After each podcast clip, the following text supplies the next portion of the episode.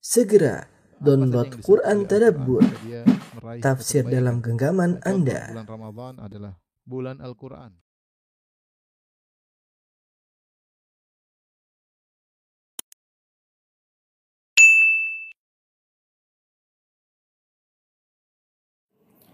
Bismillahirrahmanirrahim. Assalamualaikum warahmatullahi wabarakatuh.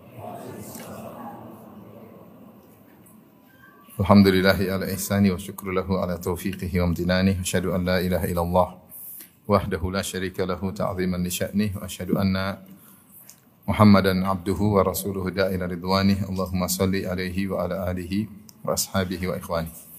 Hadirin dan hadirat jamaah Masjid Al-Ukhuwah BSD yang dirahmati oleh Allah Subhanahu wa taala.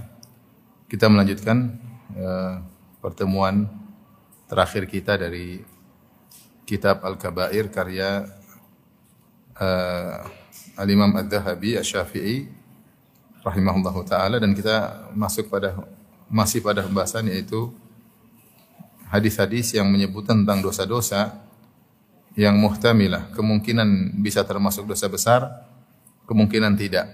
Oleh karenanya ini mulhaq, yaitu disebutkan di bagian akhir oleh Al-Imam Zahabi karena menurut beliau tidak begitu tegas menunjukkan adalah dosa besar, tapi ada kemungkinan dosa besar, ada juga kemungkinan bukan dosa besar.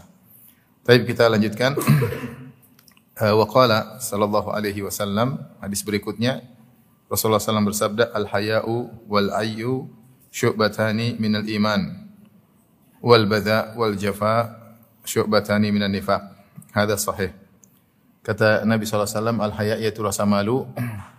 Al-ayyu maksudnya uh, al-ajiz anil kalam itu tidak tidak banyak omong. Tidak banyak omong adalah dua cabang dari cabang keimanan. Adapun al-badha kata-kata yang kotor wal jafa sifat kaku dan kasar merupakan dua cabang dari cabang kemunafikan. Wa qala alaihi wasallam Rasulullah SAW juga bersabda al-haya'u minal iman rasa malu adalah bagian dari iman wal imanu fil jannah dan iman itu di surga wal badha'u minal jafa kata-kata yang kotor ter- termasuk dari ke- kekakuan kekasaran wal jafa'u finnar dan sifat kasar adalah di neraka jahanam. Ini hadis menjelaskan tentang keutamaan dua perang ya, yaitu rasa malu ya, rasa malu adalah eh, syu'batun min syu'abil iman, cabang dari keimanan karena dengan rasa malu seorang akan terhalangi dari perkara-perkara yang buruk. Malu untuk menampakkan auratnya, malu untuk berbuat yang buruk, malu untuk mendolimi orang, malu rasa malu mengantarkan banyak kebaikan. Demikian juga al-ayyu ya. Al-ayyu asalnya adalah al-ajizu fil kalam itu seorang tidak tidak bisa ngomong, sulit untuk berkata-kata. Tetapi yang dimaksud adalah dalam hadis ini yaitu sukut amma fi fihi ithmun ya eh, bukan yaitu diam berdiam diri dari hal-hal yang dia khawatirkan menjerumuskan dalam dosa. Jadi dia lebih tenang, tidak banyak omong. Dia takut kalau dia berkomentar akan mendatangkan apa? Dosa. Nah, Ini adalah bagian dari keimanan dan ini sungguh kita butuhkan terutama di zaman sekarang ini. Karena kita secara umum kita kita komentar dulu nanti mikir isi komentarnya belakangan ya. Eh, dan betapa banyak orang berkomentar. Seakan-akan semua orang adalah pakar dan ahli. Tapi di antara keimanan seorang al-ayyu yaitu dia, dia sedikit ngomong, dia tidak mengomentari, tidak berbicara kecuali dia pikirkan terlebih dahulu. Dan sebaliknya sifat kasar, berkata-kata kotor, sifat ini termasuk dari eh, kemunafikan. Ya. Apakah yang termasuk dosa besar atau tidak? Allah alam bisawab. Itu kata-kata kotor, sifat kasar, apakah termasuk dosa besar? Allah alam. Makanya didatangkan di bagian terakhir dalam buku ini itu perkara-perkara yang muhtamilah, kemungkinan bisa termasuk dosa besar, bisa juga bisa juga tidak. Eh, kata beliau, ya, rawahu Hushaim an Mansur bin Zadan anil Hasan an Abi Bakrah wa rawahu Muhammad bin Amr bin Abi Salama an Abi Hurairah radhiyallahu anhuma radhiyallahu ta'ala anhu wa kilahuma sahih. Itu Imam Az-Zahabi mensahihkan dua hadis di atas. Kemudian hadis berikutnya waqala sallallahu alaihi wasallam SAW bersabda man mata wa laisa alaihi imamu jamaah fa inna mautatahu mautatul jahiliyah. Isnaduhu sahih. Siapa yang meninggal dan dia tidak memiliki eh, pemimpin ya, maka kematiannya adalah kematian jahiliyah. Ini hadis-hadis seperti ini banyak sudah pernah lewat bahwasanya eh, man mata wa laysa ala unuqihi bai'ah famata mitatan jahiliyah. Siapa yang meninggal kemudian dia memberontak, dia tidak mau mengakui penguasa yang sah dan dia keluar dari uh, dari kaum muslimin dari jamaah kaum muslimin menyendiri menyempal maka dia matinya mati jahiliyah. Yang dimaksud dengan mati jahiliyah bukan berarti mati kafir, tapi mati sebagaimana orang-orang jahiliyah yang dahulu mereka hobi untuk tidak dipimpin. Orang jahiliyah dahulu mereka suka masing-masing menjadi pemimpin kepala mereka sendiri. Tidak mau dipimpin oleh orang orang lain. Sehingga ketika Nabi SAW datang kemudian menyerukan kepada Islam dan menyatukan kaum muslimin, ya maka Rasulullah SAW sangat menegaskan tentang masalah persatuan. Ya sampai Rasulullah tegaskan meskipun pimpinnya adalah seorang yang zalim, seorang yang bermaksiat, ya selama masih muslim maka tidak boleh tidak boleh memberontak. Kenapa? Karena di antaranya siapa yang meninggal dalam kondisi tidak mau mengakui baiat kepada pemimpin yang sah, maka dia matinya mati jahiliyah karena eh, akan menimbulkan Eh, kemudaratan yang sangat besar. Kemudaratan yang sangat besar. Lebih baik bersatu meskipun banyak kekurangan daripada merasa benar kemudian tercerai berai. Mudaratnya sangat sangat besar. Dan itu yang terjadi di sebagian uh, negara ketika tidak ada kepuasan kepada penguasa kemudian sampai pada derajat pemberontakan maka yang terjadilah kekacauan ya, pertumpahan darah, bunuh-bunuhan, ekonomi yang jatuh dan banyak hal. Makanya Rasulullah SAW eh, ingatkan bahwa tidak boleh seorang tidak punya tidak punya pengakuan terhadap pemimpin yang yang sah. Karena kalau dia meninggal dalam kondisi demikian, dia matinya mati jahiliyah. Banyak orang salah salah terjemahkan. Mereka bilang mati jahiliyah, mati kafir. Tidak, ini bukan mati kafir. Tapi mati sebagaimana makanya mita mita itu uh, apa namanya uh, menunjukkan seperti matinya orang jahiliyah yang mereka dahulu sukanya bercerai-berai, tidak mau diatur oleh siapa pun. Oleh karenanya di antara apa sebenarnya kalau kita lihat uh, saya lama di Arab. Di, Arab itu agak susah orang. Orang itu punya ego, maunya dia berjalan sendiri ya. Maunya berjalan sendiri. Tapi subhanallah dengan syariat Islam maka bisa tunduk. Sebenarnya mereka punya ego yang sangat apa? Yang sangat kuat. Beda kita orang Indonesia, orang Indonesia mudah diatur harusnya ya. Harusnya mudah diatur ya. E, makanya jamaah haji paling top jamaah haji orang Indonesia. Suruh sini, sini, sana, nggak, sana, nggak. Orang Arab, yang kiri sama saya orang Arab sendiri. Bilang, Indonesia paling bagus jemaah Indonesia. Orang Arab masing-masing mikir kepalanya sendiri ya, sulit. Ya, makanya kalau tidak ada aturan yang ketat dan di, di, di balik agama susah susah. Mereka tunduk karena ini adalah agama. Kalau bukan karena agama mungkin hmm, kacau ya, mungkin kacau. Taib, kita lanjutkan. Uh, wa qala uh, Sulaiman bin Musa qala haddatsana Waqqas bin Rabi'ah anil Mustawrid al-Mustawrad bin Shaddad qala qala Rasulullah sallallahu alaihi wasallam man akala bi muslimin uklah atau aklah atau amahu Allahu biha aklah min nari yaumal yaumil qiyamah wa man aqama bi muslimin maqama sum'ah aqamahu Allahu yaumal qiyamah maqama riya'in wa sum'ah wa man iktasa bi muslimin thawban kasahu Allahu thawban min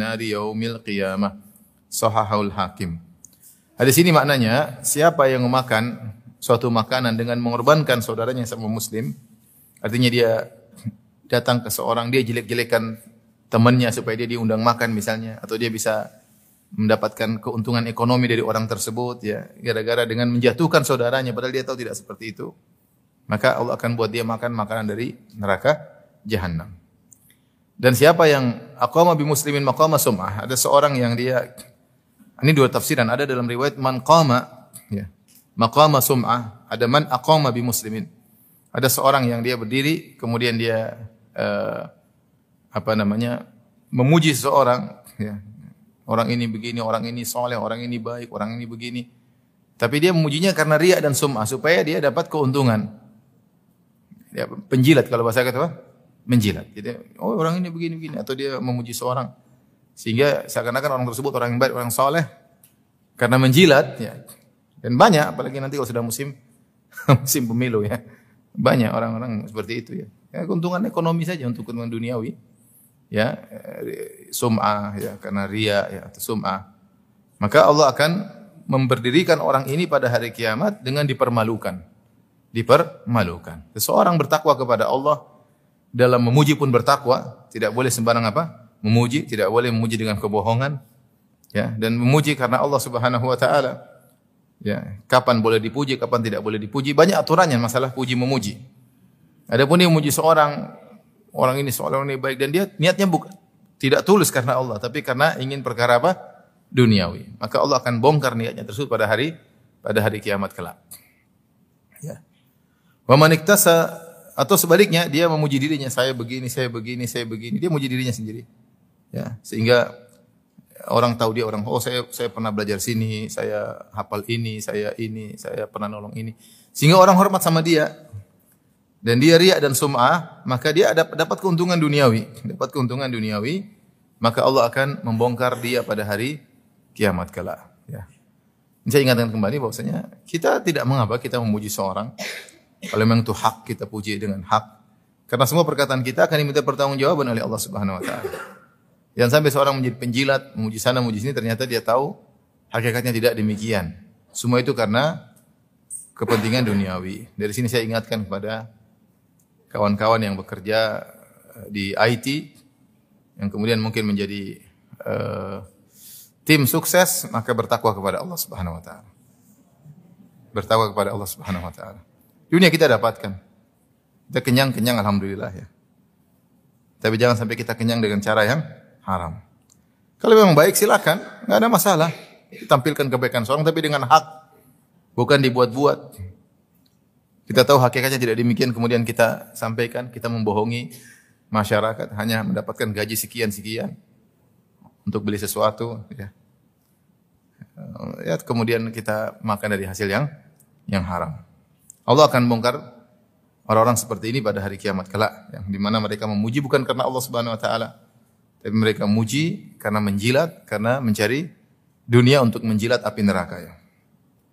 Taib. Yang berikutnya maniktasa bi muslimin thauban kasahullahu thauban min nari yaumal yaumil qiyamah. Siapa yang memakai pakaian juga dengan mengorbankan seorang muslim yang lain yaitu dengan mungkin menghinanya, merendahkannya, menggibahinya sehingga dia diberi hadiah berupa pakaian, maka Allah akan buat dia memakai uh, pakaian dari neraka jahanam ya.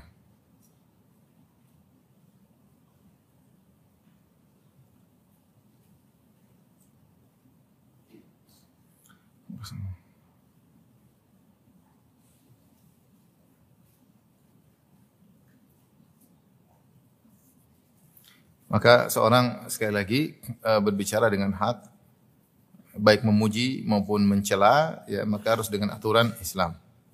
Ya. Wa idza qultum fa'dilu walau kana dza qurba. Ya. Kalau kalian berkata maka yang yang adil ya. Meskipun itu karib kerabat, keluarga dekat kita kalau kita dia nggak benar nggak boleh kita bela. Ya. Meskipun musuh kita kalau ternyata dia benar kita nggak boleh menjatuhkan. Tidak boleh kita berbohong atas nama nama dia. Ya. Ya. Wala yajrimannakum syana'anu qaumin ala alla ta'dilu. I'diluhu aqrabu taqwa dalam surat Al-Maidah. Kata Allah Subhanahu wa taala jangan sampai kebencian kalian kepada seseorang membuat kalian tidak adil. Bersikap adilah ya. Ya. Makanya ketika Rasulullah SAW mengirim Abdullah bin Rawaha ke orang-orang Yahudi Khaybar. Dikirim untuk khars. Khars itu jadi mereka kan harus bayar apa namanya uh, hasil panen mereka kalau tidak salah setengah hasil panen mereka kepada kaum muslimin. Karena ketika mereka ditaklukkan di Khaybar mereka minta perdamaian dengan syarat jadi Rasulullah tidak usir mereka silahkan kamu. Mereka kalah harusnya diusir. Tapi mereka tidak mau terusir dan mereka minta agar mereka diberi izin tinggal di Khaybar. Kemudian mereka akan uh, memberikan hasil setengah dari kebun mereka maka Nabi SAW kirim seorang untuk mengecek, mengira-ngira. Ini nanti ketika mau panen dikira-kira oh, jumlahnya sekian, nanti mereka bayar setengah dari itu. Rasulullah SAW mengirim Abdullah bin Rawaha yang terkenal sangat ketat.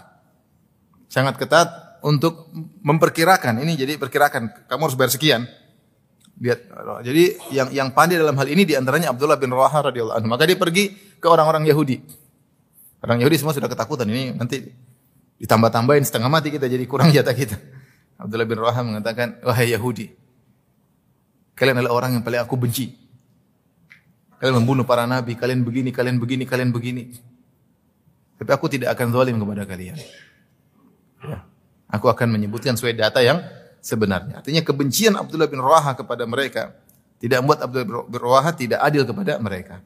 Orang Yahudi ketika mendengar tersebut, dia mengatakan, Bihada qamatis samawati wal Demikianlah baru tegak apa namanya dengan keadilan tegak langit dan dan bumi. Artinya mereka memuji Abdullah bin Rawaha meskipun benci kepada mereka tetapi tetap adil sehingga tidak menamai beban yang harus mereka bayarkan kepada kaum kaum muslimin.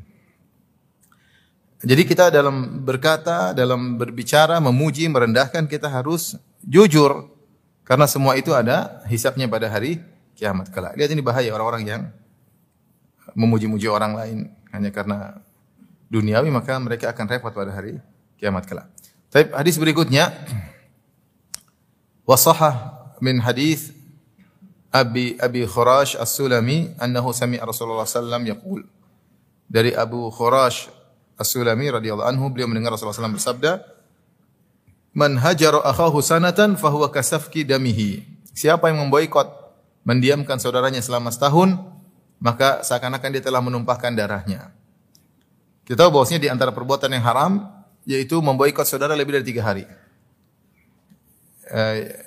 Ya la yahillu li muslimin an yahjura akhahu fawqa thalath. Tidak halal bagi seorang muslim untuk memboikot saudaranya lebih dari tiga hari, mendiamkan.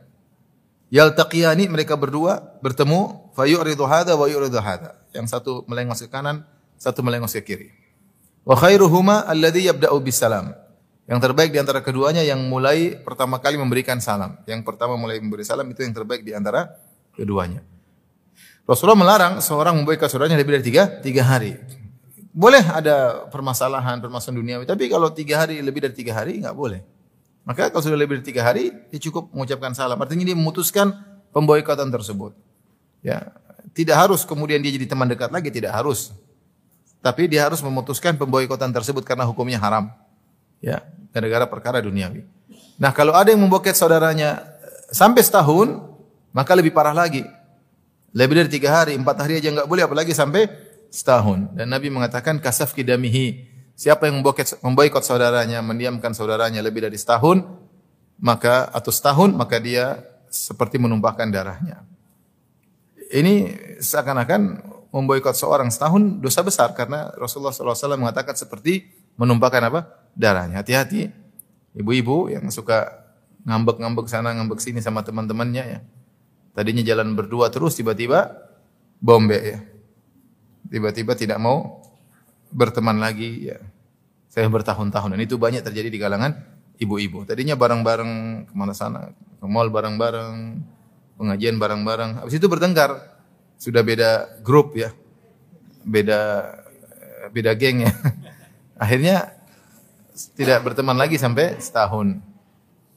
Ya. Dan ini hukumnya dosa dosa besar. Dohir dari hadis ini dosa besar. Yang lebih parah lagi kalau yang diboikat adalah saudara. Lebih parah lagi.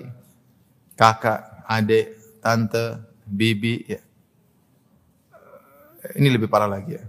Maka seorang bertakwa kepada Allah kalau dia punya masalah, segera dia selesaikan. Jangan dia berlama-lama memboikot saudaranya. Uh, kemudian hadis berikutnya Wa an Ibni Umar radhiyallahu taala anhuma dari Ibnu Umar radhiyallahu taala anhuma an Nabi sallallahu alaihi wasallam qala dari Nabi sallallahu alaihi wasallam beliau bersabda Man halat syafa'atuhu duna haddin min hududillah faqad dadallaha fi amrihi isnaduhu jayyid Siapa yang syafaatnya uh, menghalangi ditegakkannya hukum had, maka dia telah menentang Allah dalam keputusan dalam perkaranya. Uh, syafaat itu apa bahasa Indonesia ya? ya dia ngomongin janganlah jangan dihukum. Itu bahasa Indonesia apa namanya? Kasih memo jangan jangan dihukum itu teman saya itu ini. Itu apa bahasa bahasa Indonesia apa? Ah, rekomendasi ya, rekomendasi. Tapi kalau Hah? Nah, itu, itu namanya syafaat ya. Jadi dia berusaha agar seorang yang sudah sebenarnya difonis untuk dihukum dengan hukum had, kemudian dia ngomong, dia ngomong, dia sampaikan, dia ke sana kemari, akhirnya nggak jadi. Orang ini kata kata Nabi wasallam faqad Allah maka dia telah menentang Allah Subhanahu wa taala dalam keputusan Allah Subhanahu wa taala. Jadi dalam Islam ya Imam Malik membedakan kalau terjerumus dalam satu kesalahan misalnya dia mencuri barang seseorang dan orang ini tidak dikenal buruk dia selalu baik orang ini tapi qadarullah dia terjebak dalam satu kesalahan kemudian dia mencuri barang orang dan maka kata Imam Malik orang seperti ini boleh kita kasih syafaat, kita langsung jangan diangkat dulu ke penguasa. Kita bicarakan sama orang yang dicuri tadi, jangan dulu ini sudahlah kita ganti dia gini. Ini boleh, kata Imam Malik. Selama orang ini tidak dikenal dengan melakukan keburukan. Tapi kalau permasalahan sudah sampai di penguasa maka nggak bisa. Kalau sampai kepada penguasa maksudnya sampai kepada penegak hukum maka tidak boleh lagi dikasih syafaat. Ya. Tapi kalau belum sampai masih boleh dengan syarat orang ini bukanlah orang yang terkenal berbuat keburukan agar tidak jadi itu dengan perdamaian sampaikan kepada yang dicuri mohon maaf belum sampai kepada penguasa. Kata Imam Imam Malik ini boleh. Ini ini boleh dengan syarat dua pertama orang ini dikenal baik, yang kedua belum sampai kepada penguasa. Adapun kalau sudah sampai ke penguasa meskipun orang baik tidak bisa lagi di tidak bisa digugurkan, harus dijalankan. Atau orang ini terkenal tidak baik, maka jangan di jangan ditolong, biarin aja dia di, dihukum agar dia jerah akibat perbuatan yang selama ini dia dia lakukan. Ya. E, dan pernah terjadi di zaman Nabi Shallallahu Alaihi Wasallam ketika e, Quraisy pada bingung, ada seorang wanita dari mereka, Imraatun Makhzumiyah, sarakat, seorang wanita dari Bani Makhzum mencuri. Bani Makhzum adalah salah seorang dari Bani Makhzum adalah kabilah Quraisy yang terkenal. Kabilah Quraisy terkenal yang yang saling bersaing dua, Bani Hashim, saya Bani Makhzum. Bani Hashim yaitu kabilahnya Nabi Muhammad SAW, Bani Makhzum kabilahnya Abu Jahal. Dua-dua ini adalah kabilah yang saling bersaing. Ya. Dan paling kabilah yang paling top di antara kabilah-kabilah Quraisy. Quraisy banyak ya. Di antara dua kabilah yang top Bani Hashim sama Bani Makhzum. Ternyata ada wanita dari Bani Makhzum yang mencuri. Dan akhirnya eh, kabar tentang pencuriannya telah sampai perkaranya telah sampai kepada Nabi sallallahu alaihi wasallam. Dan mereka merasa malu ini orang wanita mulia bagaimana akhirnya mereka bilang kita siapa yang bisa ngomong kepada Nabi memberi syafaat agar tidak jadi dipenggal tangannya. Akhirnya mereka mengatakan ada orang yang paling dicintai oleh Nabi wasallam Usama bin Zaid. Usama bin Zaid. Bapaknya Zaid bin Harithah dicintai oleh Nabi wasallam, anaknya Usama bin Zaid juga dicintai oleh Nabi wasallam. Akhirnya Usama bin Zaid karena didatangi akhirnya dia pun datang menuju Nabi wasallam kemudian dia berusaha memberi syafaat agar wanita ini tidak dihukum. Maka Rasulullah SAW pun marah. Rasulullah SAW mengatakan, "Atasfa fi hadin min hududillah." Kau ingin beri syafaat untuk gagal menjalankan hukum had? Ya, Rasulullah marah. Rasulullah SAW, "Lau anna Fatimah binta Muhammadin saraqat laqata'tu yadaha. Seandainya Fatimah putri Muhammad mencuri, aku akan potong apa? Tangannya. Jangankan wanita makhzumiyah. Putriku kalau mencuri aku akan potong tangannya. Dia bilang sungguhnya yang membinasakan orang-orang sebelum kalian kalau ada orang rendahan yang melakukan kesalahan, aqamu alaihil had, maka mereka tegakkan hukum had. Tapi kalau ada orang mulia yang melakukan kesalahan, maka di dibiarkan. Kalau orang kaya, orang terkenal, orang pejabat melakukan kesalahan maka di, dibiarkan. Tapi kalau orang-orang miskin, rakyat jelata yang melakukan kesalahan maka ditegakkan hukum, ya ditegakkan hukum had. Maka Rasulullah SAW mengatakan, seandainya Fatimah putri Muhammad mencuri, maka aku akan potong tangannya. Jadi antara dosa besar adalah mengusahakan agar hukum tidak terjadi. Ya, agar hukum tidak terjadi. Ya ini para pengacara-pengacara ya yang bela bajingan-bajingan ya. ya. Pokoknya dibayar banyak akhirnya nggak jadi dihukum ya. Belok kanan belok kiri belok kanan belok kiri akhirnya keluar bebas ya. Karena mereka tahu hukum, mereka ngerti. Tapi orang salah. Kejahatan dibela melulu. Nah, apa dia dapat duit nanti masuk neraka jahanam ya. Waliyadzubillah ya. Taib. Hadis berikutnya, wa qala Nabi sallallahu alaihi wasallam Nabi sallallahu alaihi wasallam bersabda, Inna rajula la yatakallamu bil kalimati min ridwan min ridwanillah. Ma kana yadhunnu an tablugha ma balagat yaktubullahu lahu biha ridwanahu ila yaumil qiyamah. Sungguh seorang lelaki mengucapkan satu kalimat yang mendatangkan keridhaan Allah Subhanahu wa taala. Satu kata-kata dia ucapkan yang diridhoi oleh Allah Subhanahu wa taala. Dia tidak menduga anta belum ma balagha. Dia tidak menduga kalimat ini ternyata dampaknya luar biasa. Maka Allah Subhanahu wa taala gara-gara dia mengucapkan kalimat tersebut Allah uh, memasukkan dia di surga mengangkat derajatnya pada hari kiamat kelak. Dan sebaliknya wa inna rajula la yatakallamu bil kalimati min sakhatillah. Sungguh seorang mengucapkan kata-kata yang mendatangkan kemurkaan Allah Subhanahu wa taala. Maka na yadhunnu an tablugha ma balagha. Dia tidak menduga bahwasanya dampak keburukan dari kalimat yang dia ucapkan ternyata luar biasa. Yaktubullahu lahu biha sakhatahu ila yaumil yaumi yalqahu. Maka Allah memurkai dia terus menerus sampai dia bertemu dengan Allah Subhanahu wa taala gara-gara satu perkataan yang dia ucapkan. Sahahu Tirmidzi, hadis yang disahkan oleh Tirmidzi. Ini tentang bahayanya Orang-orang berkata-kata yang tidak benar terkait dengan agama, tanpa dia pikirkan terlebih dahulu, dia cuek aja. Merasa menurut dia tidak ada, mungkin menurut dia malaikat tidak nyatat, mungkin dia ngomong seenaknya aja. Dalam riwayat yang lain, ya la yulkil habalan, dia tidak peduli. Asal ngomong, ngomong, ngomong, ngomong, ngomong. Nuduh orang ke, bicara agama ke, mencela syariat ke, asal ngomong aja, ya. Asal ngomong seenaknya sendiri ya.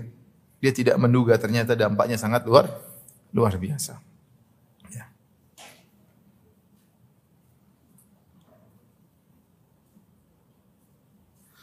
waspada seorang berbicara, ya. terutama di zaman sekarang, hati-hati, uh, jangan sampai dia salah omong. Ya. Betapa banyak orang salah ngomong, dia tidak duga ternyata ditangkap, ya enggak? Banyak itu. Dihukum di penjara, dia tidak duga. Itu baru hukum dunia. Ya. Apalagi kalau hukum apa? Akhirat. Dia ngomong, dia tidak duga ternyata masuk neraka jahanam, disiksa dengan siksaan yang berat. Jadi dunia aja kita ngomong nggak sembarang, takut ditangkap, takut dituntut, takut ada yang ngelaporin kita di dunia aja kadang kita salah ngomong takut. Ya. Apalagi terkait dengan hukum Allah Subhanahu wa taala. Asal ngomong tidak juga ternyata penyebab suul khatimah. Asal ngomong tidak juga ternyata sebab adab kubur. Hati-hati dalam berbicara. Hadis berikutnya yang juga merupakan dosa ya. Wa an Buraidah qala dari sahabat Buraidah radhiyallahu anhu Qala qala Rasulullah sallallahu alaihi wasallam bersabda, "La taqulu lil munafiq ya sayyid." Jangan kau berkata kepada orang munafik wahai tuanku atau wahai tuan. Fa innahu in yaku sayyidan faqad askhattum rabbakum azza wa jalla. Kalau jika memang dia seorang pemimpin, maka kalian telah membuat murka Allah Subhanahu wa taala. Ya ini maksudnya hadis ini ya. Uh, larangan kita berlebih-lebihan dalam uh, memuji orang-orang munafik. Kita mengatakan dia sayyid, wahai tuanku, wahai yang mulia. Dia orang munafik. Semulia-mulianya dia, kamu lebih mulia daripada dia. Semulia-mulianya dia, kamu lebih mulia daripada dia. Ya. Maka tidak boleh seorang uh, mengagungkan seorang munafik. Ya. ya karena orang ini adalah orang yang merupakan musuh Allah Subhanahu wa taala, musuh kaum muslimin. Yang Allah berkata, "Humul aduwwu fahdharhum." Sungguhnya orang munafik adalah musuh yang sesungguhnya, maka waspadalah terhadap terhadap mereka. Maka seorang tidak boleh mengagungkan orang-orang munafik dan yang semisalnya misalnya orang kafir sehingga uh, memuliakan dia berlebihan sehingga akhirnya banyak orang yang terpedaya ya. Banyak orang yang terpedaya. Barang siapa yang memuliakan orang munafik ya meskipun dia benar-benar orang mulia di tengah-tengah kaumnya faqad askhattum rabbakum maka dia telah membuat murka Rabbnya ya. Allah telah menghinakan mereka dengan membongkar eh, keburukan mereka terutama dalam surat Taubah sampai surat Taubah disebut dengan surat Al-Fatihah yaitu surat yang membongkar aib-aib mereka kemudian kita memuliakan mereka ini tidak tidak boleh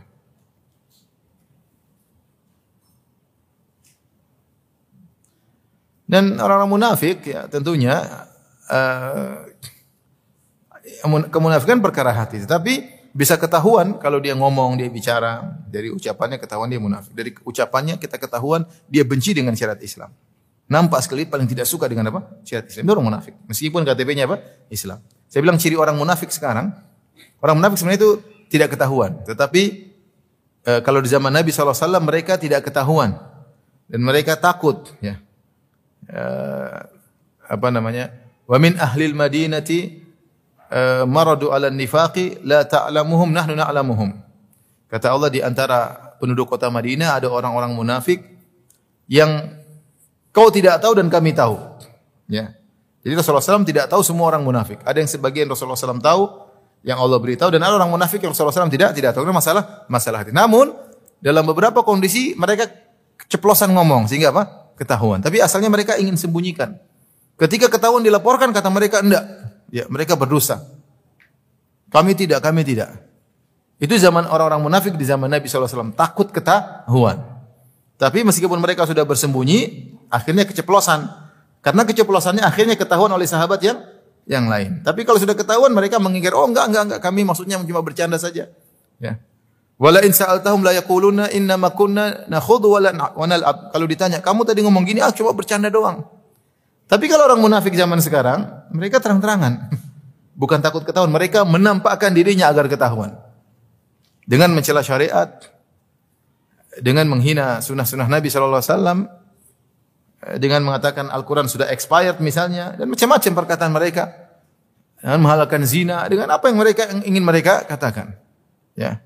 Menghina jilbab ke menghina cadar ke menghina syariat Islam ya. Menghina hukum Islam menghina sunnah Nabi dan mereka terang-terangan. Karena mereka punya kawan banyak. Mereka punya kawan banyak. Ini orang munafik seperti ini jelas tidak usah ragu ini munafik.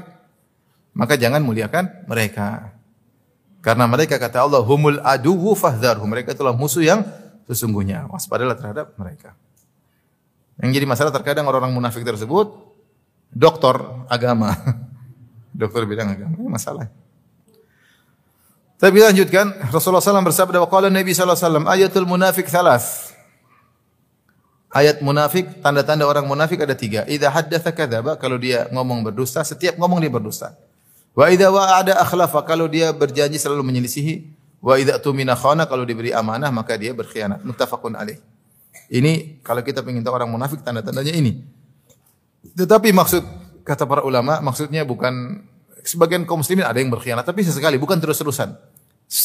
Seorang mukmin terkadang berdusta tapi bukan terus-terusan. Kalau munafik itu selalu setiap ngomong pasti apa? Dusta. Setiap diberi amanah pasti berkhianat. Setiap janji pasti milih. Ini orang munafik orang orang munafik. Adapun sesekali maka tidak bukan merupakan indikator dia seorang munafik. Kemudian uh, Az-Zahabi berkata, "Fa ammal kadhibu wal khiyanatu faqad marra." Adapun hukum dusta dan berkhianat telah lalu pembahasannya. Wa amma khalful wa'di, adapun menyelisih janji, fa huwal maqsudu bi huna. Yang saya maksudkan dalam hadis ini tentang dosa khusus yaitu menyelisih janji. Waqad qala Allah Ta'ala, Allah telah berfirman mencela orang menyelisih janji, kata Allah dalam surat At-Taubah, "Wa minhum man ahada Allah la in atana min fadlihi lanasaddaqanna wa lanakunanna salihin." Falamma atahum min fadlihi bakhilu bihi wa tawallaw wa hum mu'ridun, fa aqabahum nifaqan fi qulubihim ila yaumi yalqawnahu bima akhlafu akhlafu Allah ma wa'aduh wa bima kanu yakdzibun. Kata Allah di antara mereka orang munafik ini, mereka berjanji kepada Allah. Mereka berjanji. Mungkin dalam doa mereka, mungkin uh, di depan orang lain. Dia mengatakan mereka berkata la in atana min fadlihi lanasaddaqanna. Nanti kalau kami punya harta, kami akan bersedekah. Kami lagi susah sekarang. Enggak punya banyak utang, tapi kalau saya punya harta saya akan bersedekah. Wala nakunanna minas salihin. Kami akan jadi orang saleh. Kalau ada rezeki ya kita mau umrah, kita mau haji, kita mau sedekah, kami akan jadi orang saleh, kami akan bersedekah. Kata Allah, "Falamma atahum min fadli bakhilu bihi." Tatkala Allah berikan kepada mereka karunia, rizki, mereka justru pelit. Wa tawallau dan mereka berpaling wa hum dan mereka berpaling ya. Pergi berpaling. Kata Allah fa aqabahum nifaqan fi qulubihim. Maka Allah hukum mereka dengan memberikan kemunafikan dalam hati mereka ila yaumil. Terus kemunafikan menjalar dalam hati mereka sampai hari mereka bertemu dengan Allah Subhanahu wa taala. Bima akhlafullaha ma wa'aduh akibat mereka menyelisih janji mereka yang sudah mereka janjikan kepada Allah wa bima kanu yakdzibun dan atas kedustaan mereka. Ini di antara dosa adalah menyelisih janji. Ya. berdoa sama Allah misalnya Allah nanti kalau saya gini saya akan begini ternyata tidak ya. Eh, Bernazar kalau saya sembuh nanti saya akan ternyata tidak dilakukan. Hati-hati ya. Seorang ya ingat-ingat apa yang dia janjikan kepada Allah Subhanahu wa taala dan jangan suka menyelisih janji. Apalagi janji kepada Allah Subhanahu wa taala. Kecuali memang dia tidak mampu. Lain cerita dia tidak mampu, tidak sanggup. Ya, ternyata ya dia bayar kafar. Tapi kalau dia menggampangkan ya, ya terus ternyata sudah diberi karunia oleh Allah ternyata dia tidak melakukan janjinya maka ini ciri-ciri orang orang munafik. Dapat harta malah uh, pelit untuk bersedekah ya. Nanti kalau saya punya uang banyak saya ingin ngaji tiap hari ngaji. Ternyata sudah punya duit banyak malah enggak enggak ngaji. Malah jajan di jajan di kafe-kafe, jajan di diskotik ya. Malah enggak ngaji ya. Hadis berikutnya wa an Zaid bin Arqam marfu'an qala. Dari Zaid bin Arqam secara marfu itu dari Nabi sallallahu alaihi wasallam SAW bersabda, "Man lam ya'khudh min syaribihi falaysa minna." Siapa yang tidak motong kumisnya maka bukan dari golongan kami. Sahih Tirmizi disahkan oleh Tirmizi. Riwayatkan Tirmizi yang disahkan oleh Tirmizi. Uh, hadis ini menjelaskan tentang sunan al-fitrah. Di antara fitrah uh, Rasulullah SAW mengatakan qasus syarib yaitu motong kumis. Wa ifa'ul lihya memanjangkan apa? jenggot yaitu di antara fitrah uh, yang harus dijaga ya. Ini sudah pernah kita bahas dalam bahasan panjang tentang hal ini terutama tentang hukum memanjangkan apa? jenggot ya.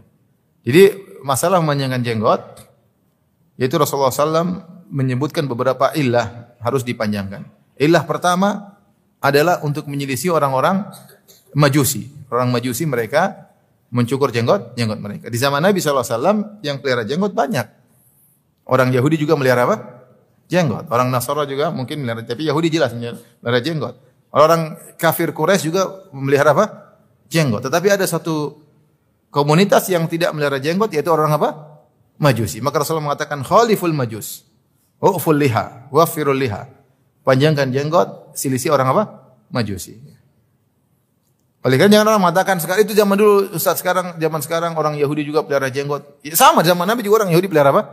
Jenggot. Tapi orang Majusi tetap mencukur apa? Jenggot ya. Orang Majusi, orang-orang penyembah matahari, penyembah masih tidak melihara jenggot. Maka di antara sebab menyelisih orang-orang kafir dan sebab itu masih ada sampai sekarang masih qaim, masih ada. Jangan bilang bahwasanya orang kafir sekarang semua sudah pelihara jenggot. Enggak. Enggak. Kebanyakan mereka motong apa? Jenggot. Orang Islam berusaha tetap menyelisih mereka dengan memiliki jenggot ya. Meskipun ada sebagian orang kafir memelihara jenggot seperti di zaman Nabi juga orang-orang kafir juga memelihara jenggot, tapi ada komunitas yang harus dilisih yaitu orang-orang Majusi. Yang kedua di antara sebab kenapa disunahkan memelihara jenggot karena itu fitrah.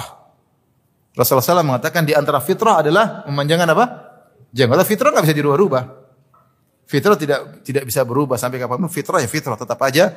Mau semua orang pelihara jenggot, orang majusi, orang semua pelihara jenggot tetap saja pelihara jenggot. Karena itu apa? Fitrah. Karena itu fitrah. Di antara fitrah adalah kosus syarif, motong apa? Motong kumis. Nah sebagian orang terbalik, kumis dipanjangkan, jenggot dicukur.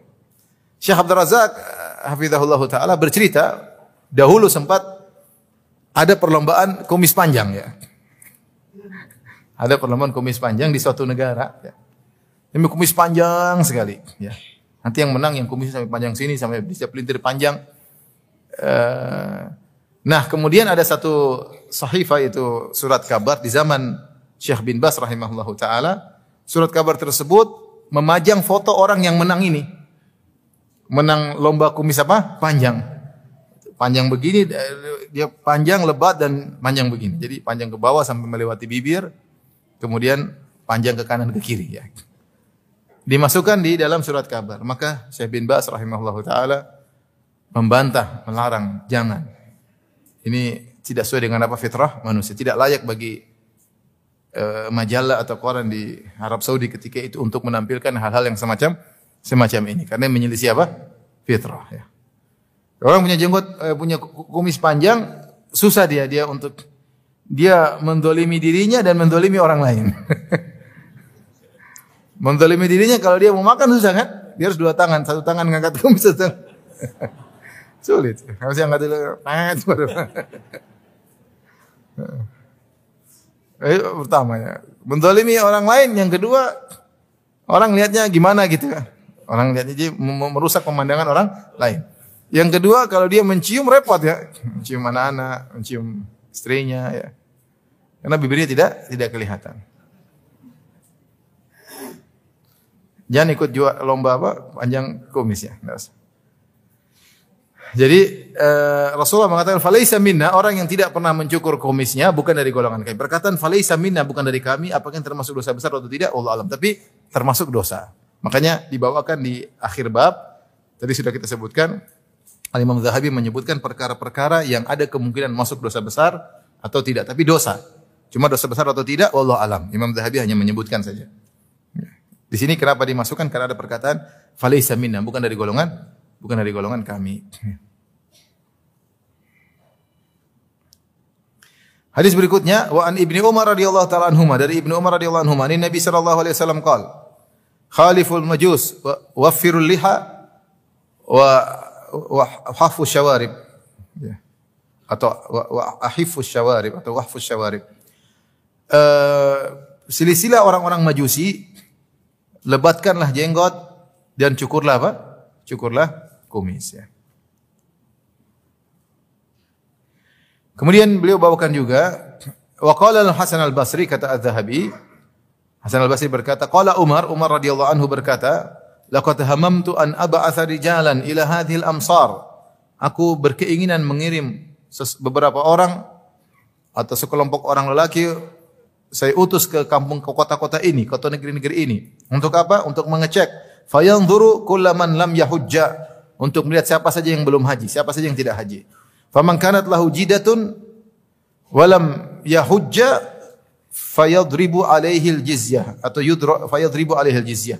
Siapa yang punya kemampuan namun tidak haji maka disuruh bayar jizyah seperti orang-orang Majusi, bayar upeti tahunan. Mahum bi muslimin, mereka bukan orang Islam. Mahum bi muslimin, mereka bukan orang Islam. Maksudnya apa Imam uh, Umar bin Khattab mencela orang-orang yang punya kemampuan berhaji namun tidak mau haji. Kata Umar, mereka bukan orang Islam. Kalau gitu suruh bayar jizyah. Aku ingin seperti itu, tapi Umar tidak melakukannya. Ya, ini artinya uh, Umar bin Khattab radhiyallahu anhu membenci orang-orang yang punya kemampuan namun tidak berhaji. Apalagi zaman dahulu berhaji kapan saja bisa. Beda zaman sekarang, ternyata haji tidak semudah yang dibayangkan. Punya kemampuan, punya duit, punya kesehatan pun harus ngan, ngantri. Harus ngantri ya. Saking semangatnya sebagian jemaah haji untuk berhaji, terkadang mereka melakukan sebagian trik-trik ya. Dengan sedikit-sedikit penipuan ya. Ya cara-caranya sampai ada salah seorang kawan saya dia berhaji lewat negeri Afrika. Dia cerita sama saya sendiri. Saking kepingin haji dia lewat kuota Afrika, kemudian dia masuk di Mina, masuk di tenda Afrika. Ya, dia cerita sama saya. Dia cerita ketika dia ngantri makanan, diusir. Wah, Afrika, Afrika. dia putih sendiri kan. Terus dia tunjukkan gelang, hm, Afrika. Akhirnya dia boleh makan. Tapi maksudnya saking semangat, eh, mudah-mudahan Allah mengampuni itu di antara trik-trik yang bermasalah. Antum jangan ya. Itu sudah lewat ya. Semoga mudah haji mabrur mudah-mudahan ya. Tapi janganlah ya. Sekarang haji tidak tidak mudah. Nah, antum kalau punya kesempatan untuk berhaji jangan tunda-tunda untuk berhaji. Minimal antum sudah daftar punya hujah di hadapan apa? Allah. Sudah daftar selesai. Kapan dipanggil, masih hidup atau meninggal, sudah berusaha. Allah sudah tahu kita sudah mendaftar. Kalau nggak mampu ya sudah. Tidak tidak wajib. Haji wajib bagi yang mampu. Nggak mampu nggak nggak wajib haji. Utang masih banyak, ini masih belum bayar. Ya, jangan hajian, jangan nekat. Bayar utang dulu baru hajian. Di sini Umar Umar mengatakan, "Mahum bi muslimin." Mereka yang tidak mau haji padahal punya kemampuan bukanlah orang apa? Islam. Aku ingin orang-orang untuk bayar perintah mereka bayar jizyah orang yang tidak mau haji ini. Punya duit kok tidak mau haji. Suruh bayar jizyah upeti yang yang itu harusnya dilakukan kepada orang Majusi. Taib berikutnya wa an Abi Ayyub Al-Ansari radhiyallahu taala anhu dari Abu Ayyub Al-Ansari radhiyallahu anhu sami an-nabiy sallallahu alaihi wasallam yaqul Nabi sallallahu alaihi wasallam bersabda Man farraqa baina walidatin wa waladiha farraqa Allah baina wa baina ahibbatihi yaumal qiyamah. Rawahu Ahmad wa Tirmidzi. Siapa yang memisahkan antara ibu dan anaknya, maka Allah akan memisahkan antara dia dengan kekasih-kekasihnya pada hari kiamat kelak. Ini terkait dengan jual beli di zaman Nabi SAW. Zaman Nabi kita ada ada budak yang dijual belikan dan itu zaman itu adalah zaman uh, budak di mana-mana dijual belikan ya. Islam bukanlah agama yang menyuruh perbudakan, tapi Islam datang dalam kondisi sudah ada per, perbudakan. Bukan cuma di Jazirah Arab saja, di Eropa, di Romawi, di Persia semua ada perbudakan. Tapi Islam mengatur perbudakan harus diatur, tidak sembarangan dan bahkan Islam menganjurkan untuk membebaskan apa? budak. Oleh karenanya banyak kesalahan bayarannya apa? Memberikan apa? Bu, budak. Kafarahnya memerdekakan budak. Kemudian Nabi SAW juga menganjurkan untuk memberikan siapa memberikan budak maka pahalanya sekian-sekian. Rasulullah SAW menganjurkan demikian. Uh, bahkan di antara wasiat Nabi sebelum meninggal dunia Nabi SAW mengatakan as-salat as-salat wa ma malakat aimanukum yang artinya salat salat dan budak-budak kalian artinya berbuat baiklah kepada budak-budak kalian. Tetapi jual beli budak ada di zaman tersebut. Ya, sampai Allah sebutkan seperti kisah Nabi Yusuf di zaman Bani Israel juga ada jual beli apa? Budak ya. Cuma eh, budak harus dilakukan dengan baik sebagaimana wasiat Nabi sebelum meninggal. As-salat as-salat mama malakat aimanukum. Salat-salat dan uh, budak-budak kalian perhatikan. Di antara hal yang dilarang ketika ada jual beli budak di zaman tersebut, membeli budak ibunya doang, anaknya enggak di enggak dibeli. Jadi kalau budak budak punya anak, anak ini belum balik, belum mumayyiz atau belum besar, belum bisa membedakan, maka jangan dipisahkan. Rasulullah bilang kalau kamu beli beli sekalian sekaligus, paket beli ibu dan sekaligus apa? Anaknya. Mungkin seorang butuh ibunya nggak butuh apa? Anaknya, maka beli ibunya anaknya dipisahin. Rasulullah larang. Man farraqa baina walidatin wa waladiha. Siapa yang memisahkan antara budak perempuan dengan anaknya, Allah akan buat, membuat dia terpisah pada hari kiamat dari kekasih-kekasihnya. Di mana pada hari kiamat kelak seseorang butuh dengan orang-orang baik yang dia kenal. Siapa tahu bisa memberi syafaat bagi bagi dia pada hari kiamat. Banyak ibu-ibu baik-baik sama suami ya. Siapa tahu suami bisa beri syafaat kepada ibu-ibu ya. Demikian juga para suami baik-baik sama istri. Siapa tahu istri istri antum lebih soleha daripada antum ya. Apalagi yang suka buka medsos hati-hati ya. Oleh karenanya kita berbuat baik sama siapa saja ya. Bisa jadi Allah menggerakkan hati mereka untuk beri syafaat kepada kepada kita ya. Tapi kita serahkan semua kepada Allah Subhanahu wa taala. Nah, di saat hari di saat hari yang di mana seorang butuh dengan kekasih-kekasihnya, orang dekat-dekatnya, teman-temannya, maka dia tidak akan dipertemukan dan mereka tidak bisa membantunya pada hari kiamat. Kiamat kelak karena dia di dunia telah memisahkan antara budak perempuan dengan apa? anaknya. Adapun kalau anaknya sudah bisa membedakan, sudah bisa mandiri, maka tidak jadi masalah. Demikian juga wa yurwa anin Nabi sallallahu alaihi wasallam dan diriwayatkan dari Nabi sallallahu alaihi wasallam tapi fi sanadihi maqal. Sanadnya bermasalah kata Al-Adzahabi. Hadis tersebut yang diriwayatkan dengan sanad yang bermasalah, man farra min mir, min mirathi warithihi qata Allahu mirathahu minal jannah. Barang siapa yang melakukan suatu perbuatan yang menghalangi hartanya dari ahli warisnya, maka Allah akan menghalangi dia uh, dari kebaikan di surga atau dia terhalang dari surga. Maksudnya apa? Maksudnya seorang ketika dia mau meninggal dunia, dia bikin suatu dia tidak ingin anak-anaknya dapat warisannya misalnya. Kalau dia meninggal dia tahu nanti eh, anak saya dapat dia, dia jengkel sama anaknya atau dia jengkel sama istrinya. Dia bikin cara supaya mereka ini tidak dapat apa?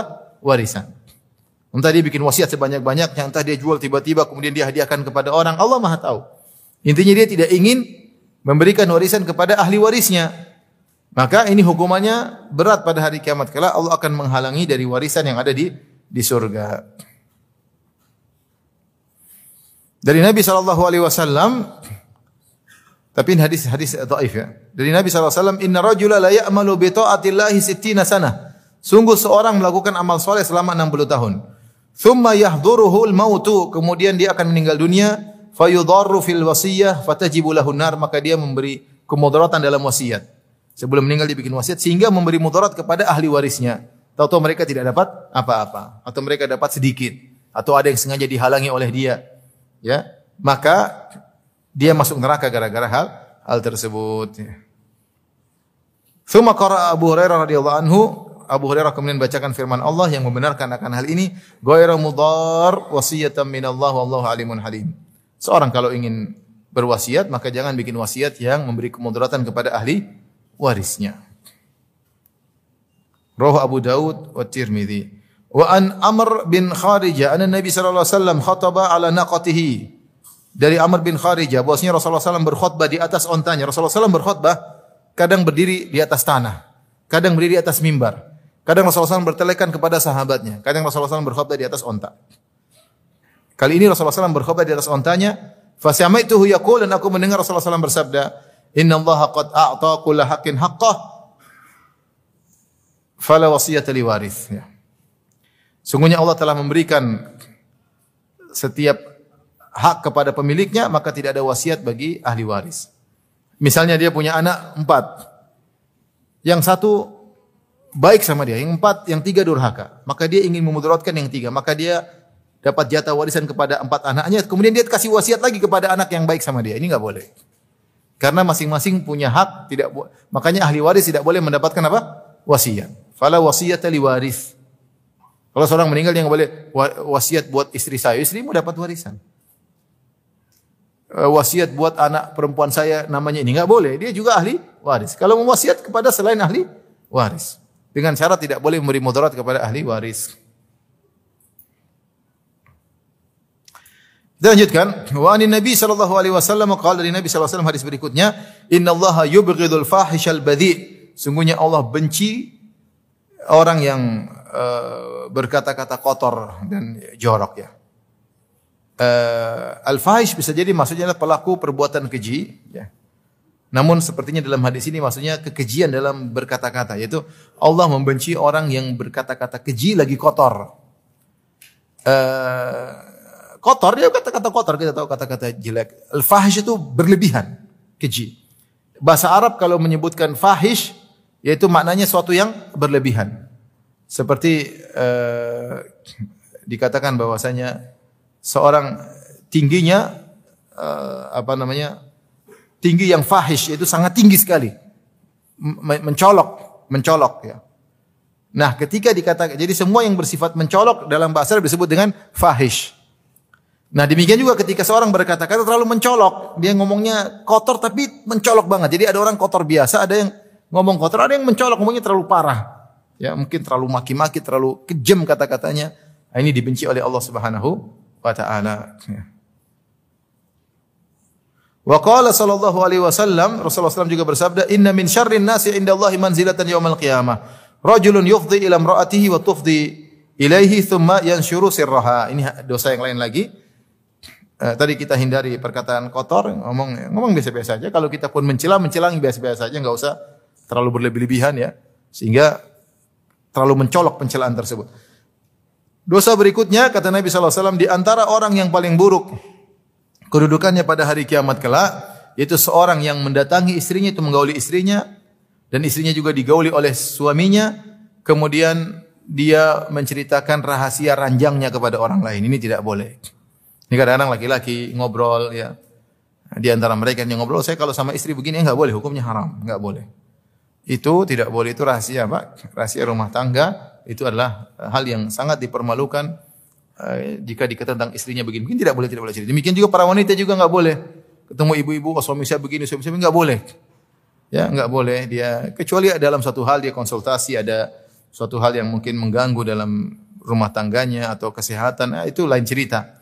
Tapi tidak boleh seorang bercerita tentang hubungan ranjangnya kepada siapa pun, tidak boleh. Meskipun teman dekatnya tidak boleh. Baik laki-laki maupun perempuan. Dan ini orang yang seperti ini, dia membuka aib pasangannya, dan dia termasuk orang yang paling buruk pada hari kiamat kelak. Hati-hati ya. Ini baru ngobrol, bagaimana dengan orang yang hobi, kemudian dia berhubungan, kemudian dia shooting dirinya, kemudian dia sebarkan. Waliyadzubillah, dia apalagi dia membanggakan, ya ini tentu Allah alam seperti apa lagi hukumannya.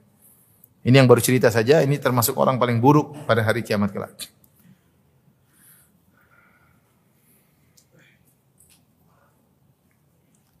Saya akan baca satu hadis tidak akan tidak akan tegak hari kiamat sampai seorang berhubungan di tengah jalan sampai ada seorang yang baik mengatakan eh kalau minggir dong kalau berhubungan. Artinya berhubungan tengah jalan. Tapi saya baca di suatu negara karena begitu banyaknya zina, orang mungkin zina di mobil di mana, akhirnya mereka buat seperti kota-kota kecil di pinggir jalan tempat berzina. Ya, ini zina halal ya. Maksudnya ini resmi. Kalau di mobil nggak resmi, kalau ini sesuai aturan. Saking banyaknya apa? Zina. Artinya orang sudah tidak punya malu berzina di depan banyak orang. Ini cerita sih tidak boleh. Kita cerita saya tadi berhubungan dengan seorang saya berhubungan dengan istri saya begini, nggak boleh. Bagaimana lagi orang yang berzina membanggakan zinanya, di, di, di, dilihat oleh banyak orang, maka ini dosa yang sangat sangat besar, sangat sangat besar. Waliyahzubillah.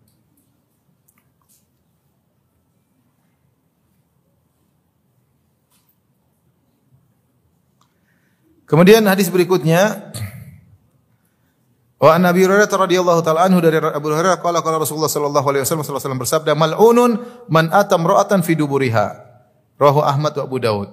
Terlaknat orang yang mendatangi istrinya pada duburnya ya. Tentunya Ini 17 tahun ke atas adik-adik. Jadi kalau terjadi hubungan intim maka harus dilakukan pada tempatnya. Allah mengatakan dalam Al-Qur'an Nisa'ukum harsul lakum fa'tu harsakum anna syi'tum. Sungguhnya para wanita adalah eh, lahan kalian untuk bercocok tanam. Maka dat, apa namanya? Eh, datangilah di lahan tersebut, jangan di luar lahan ya. Lahan tentunya dari dari apa namanya? dari bagian depan, dari kemaluan sehingga di situlah akan membuahkan anak-anak. Ketika Allah berfirman nisa'ukum harsul lakum, istri-istri kalian adalah sawah ladang atau lahan cocok tanam, dalam rangka motivasi para suami untuk banyak bercocok tanam. Jangan cuma dikasih pupuk aja nggak pernah dicocok tanamin. Dicocok tanamin agar punya banyak ha? hasil. Ya. Rasulullah SAW bersabda, "Tazawwajul wadud al walud, fa inni mukathirun bikumul umama yaumal qiyamah." Menikahlah wanita yang eh, subur, sungguhnya aku bangga dengan jumlah kalian yang banyak pada hari kiamat kelak. Ya.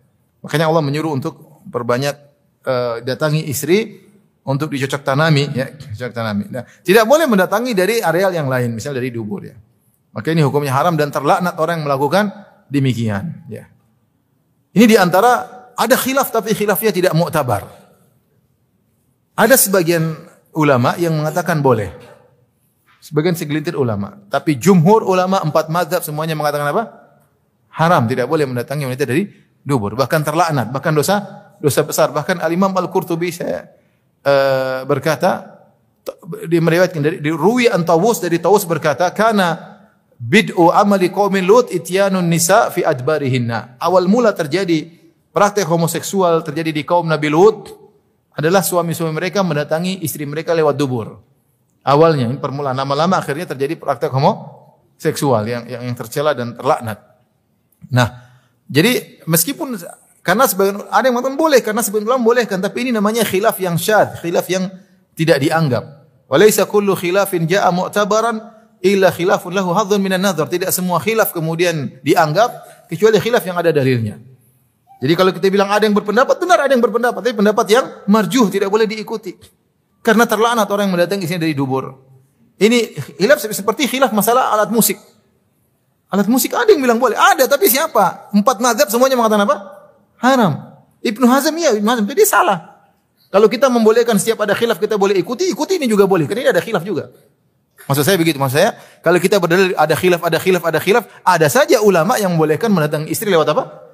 Dubur ada, tapi khilaf tersebut tidak di, dianggap. Sama dengan ada saja ulama yang mengatakan musik halal ada, tapi semua ulama rata-rata mengatakan apa? Haram, empat mazhab, apalagi mazhab syafi'i, kenceng banget.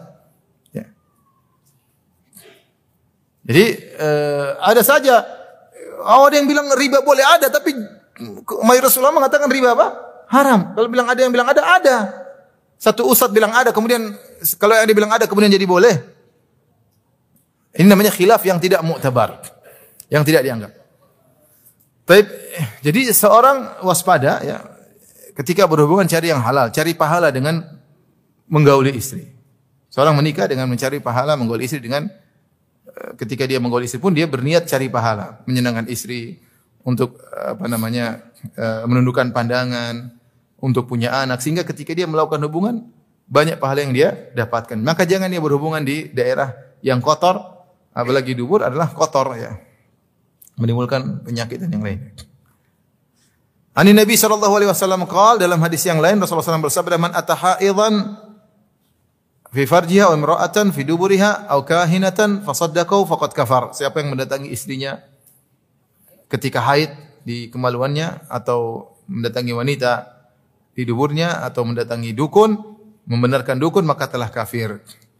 Atau dia bariun mimma unzila ala Muhammad atau Rasulullah SAW bersabda dia berlepas diri dari apa yang diturunkan kepada Nabi Muhammad wasallam. Ruahu Abu Dawud wa Tirmidzi wa laisa isnaduhu biqaim. Ini hadis riwayat Abu Dawud Tirmidzi tapi hadisnya lemah kata uh, Az-Zahabi. Yang hadisnya sahih tadi, orang terlaknat orang yang mendatangi apa? Uh, istrinya pada duburnya. Adapun mendatangi wanita pada kemaluannya ketika haid tentunya tidak boleh. Ya. Allah sudah uh, melarang. Ya.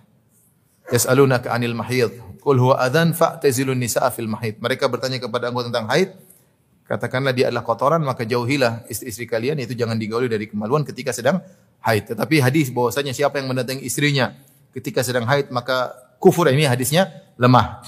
Tapi perbuatan itu haram, paham? Itu haram cuma hadis yang mengatakan itu kekufuran hadisnya lemah kata Az-Zahabi rahimahullahu taala. Hadis berikutnya wa law anna rajulan tala'a alayka bi ghairi idhnin fahadhaftahu bihasatin faqafa'ta ainahu maka kana alaika junah. Muttafaqun alaih. Kalau ada orang ngintip di rumahmu, ngintip di celah-celah apa namanya? Maklum ini adalah rumah sewa, rumah kontrak, masih ada bolong-bolongnya. Terus ada yang ngintip, terus kamu kutik pakai batu buat matanya buta, maka tidak jadi masalah kata Nabi SAW. Boleh. Ya. Boleh. Karena mata mata dia menjadi hina tatkala dia mengintip uh, rumah orang. Sama, tangan ini berharga mulia, tapi ketika dia mencuri tidak ada mulianya lagi, maka dipotong, dipenggal. Mata yang mengintip rumah orang ini boleh dilemparin batu ya. Meskipun buta tidak jadi masalah kata Nabi Shallallahu alaihi wasallam. Ini adab. Kita tidak boleh melihat-lihat isi rumah orang kecuali dengan izin. Makanya disebutkan kenapa disyariatkan minta izin karena untuk menjaga pandangan. Kalau kita minta izin, Assalamualaikum, kalau sudah buka berarti dia mengizinkan kita untuk melihat apa dalam rumahnya. Makanya di antara di antara adab kalau kita mengetuk pintu, kita tidak langsung melihat ke ke dalam ruangan. Kita Assalamualaikum sambil kita melihat ke arah luar, jangan ke arah rumah. Nanti udah buka dia persilakan baru kita masuk. Ya, karena itu privasi orang. Tidak boleh kita mau lihat-lihat di situ. Ya. Sampai kalau ada yang mau lihat-lihat, kemudian di kutik atau dilempar pakai batu, matanya buta maka tidak jadi masalah. Karena Rasulullah SAW disebutkan dalam hadis, Inna maju'ilal isti'adhan li ajri nazar. Disyariatkan untuk minta izin ketika ingin masuk rumah orang agar bisa menjaga pandangan. Rasulullah SAW juga bersabda, Man tala'a fi baitin, fi baiti qawmin bi ghairi idnihim faqad halla lahum an yafqa'u anhu ainahu. Barang siapa yang mengintip di rumah suatu kaum tanpa izinnya, tanpa izin mereka, maka halal bagi mereka untuk membutakan matanya hal bagi mereka untuk membutakan matanya. Jadi kalau ada orang kemudian naik pagar mau ngintip-ngintip istri antum langsung antum enggak apa-apa, halal ya. halal dibutakan apa? Matanya. Dia telah melanggar ya. Enggak boleh. Rawa Ziyad atau Ziyad bin Husain an Abi Aliyah an Ibni Abbasin radhiyallahu ta'ala anhuma Qala qala Rasulullah sallallahu alaihi wasallam iyyakumul ghuluwa fid din fa inna ma halaka man kana qablakumul ghulu fid din. Kata Nabi sallallahu alaihi wasallam waspada, waspadalah kalian dari sifat berlebih-lebihan dalam agama. Sungguhnya ya, orang-orang sebelum kalian binasa karena berlebih-lebihan dalam agama. Wa qala ta'ala Qul ya ahlal kitabi la taghlu fi dinikum ghairal haqq Wala tattabi ahwa'a qaumin qad dhallu min qablu wa adallu katsiran wa dhallu an sawa'i sabil. Wahai ahlul kitab, janganlah kalian berlebih-lebihan dalam agama kalian. Jangan ekstrim dalam beragama.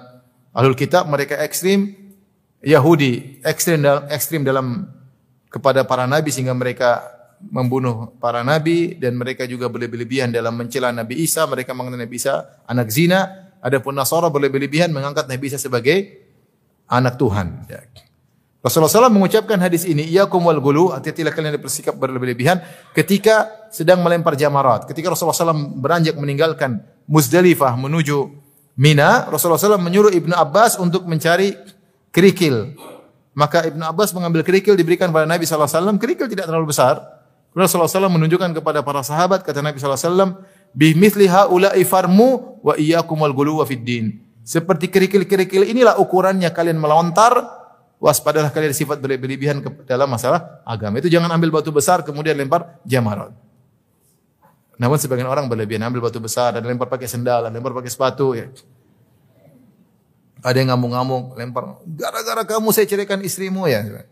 Dipikir ada setan sedih lempar ya. Ya. Sampai ada lelucon, saya waktu hajian ada yang cerita, Ustadz waktu itu, saya lagi hajian dia cerita. Ustadz ada orang, ada seorang pejabat koruptor Ustadz, dia hajian. Kemudian dia lempar, ketika dilempar ternyata batunya kembali. Ada surat situ, sesama setan dilarang saling melempar katanya.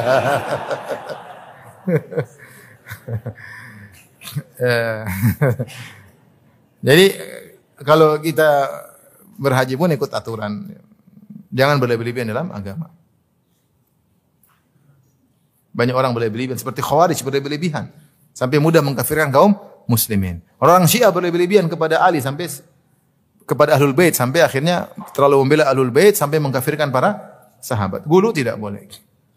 Orang Sufi apalagi khurafat-khurafat yang berlebihan. Orang gila dianggap sebagai apa? Wali. Mau jadi wali daftar ke Nabi Khidir, bawa proposal. Ini, ini kita bukan bicara, ini bicara zaman sekarang. Zaman sekarang masih lari seperti itu ya. Aneh. Ani bin Umar ani Nabi sallallahu alaihi wasallam qol dari Nabi sallallahu alaihi wasallam beliau bersabda man halafa lahu billahi falyarda wa man lam yarda falaysa minallahi fi syai' rawahu Ibnu Majah. Barang siapa yang orang sumpah kepada dia dengan menyebut nama Allah maka dia terima. Siapa yang tidak terima maka dia bukan sama sekali bukan apa namanya tidak menghormati Allah Subhanahu wa taala. Itu Allah tidak akan menganggapnya. Jadi ini juga dalil kalau ada orang bersumpah kepada kita dan dia tidak dikenal sebagai orang tukang bohong, tidak dikenal sebagai penjahat, kalau dia bersumpah kita terima. Kecuali kita kenal dia yang tukang bohong. Ah, ente sumpah-sumpah bohong melulu, ah itu. Tapi kalau dia tidak dikenal sebagai tukang bohong, ini dia mengatakan demi Allah saya tidak melakukan, kita harus benarkan. Kenapa? Karena dia telah menyebut nama Allah. Jangan kita ah, jangan begitu. Kecuali kamu sudah tahu bahwasanya track recordnya sebelumnya dia penjahat ya, nggak apa-apa. Kamu ada hal yang buat kamu curiga untuk tidak membenarkannya. Tapi kalau tidak ada track record yang begitu, ya wajib untuk mem- membenarkan. Selama dia bersumpah dengan nama Allah Subhanahu Wa Taala. An Abi Bakar Abi, ba, Abu Abi Bakar As-Siddiq radhiyallahu taala anhu qala qala Nabi sallallahu alaihi wasallam la yadkhul jannata khibbun wala mannan. Hadis riwayat Tirmizi syaratnya dhaif. Kata Nabi sallallahu alaihi wasallam tidak masuk surga khibbun. Khibbun tukang penipu. Jadi khadda suka suka nipu orang dalam jual beli, ditipu, dibohongin. Mannan yaitu orang suka mengungkit-ungkit kebaikan yang dia lakukan. Bakhil orang yang pelit tidak akan masuk surga. Tapi hadisnya dhaif. Wa qala Nabi sallallahu alaihi wasallam Rasulullah SAW juga bersabda hadis berikutnya, "Kafa bil mar'i ithman an yudayyi'a man yaqut." Cukuplah seorang berdosa jika dia melalaikan, mentelantarkan orang-orang di bawah naungannya, mentelantarkan istrinya, mentelantarkan anaknya, mentelantarkan orang tuanya, dia tidak cari nafkah untuk mereka, tidak dipedulikan. Ini termasuk dosa dosa besar. Kemudian juga waqala Nabi sallallahu alaihi wasallam kafa bil mar'i ithman an yuhadditha bi kulli ma sami'. Cukuplah seorang dikatakan berdosa jika dia menyampaikan semua yang dia dengar. Setiap dia dapat dengar dia sampaikan. Setiap dia dengar enggak, enggak boleh seperti itu.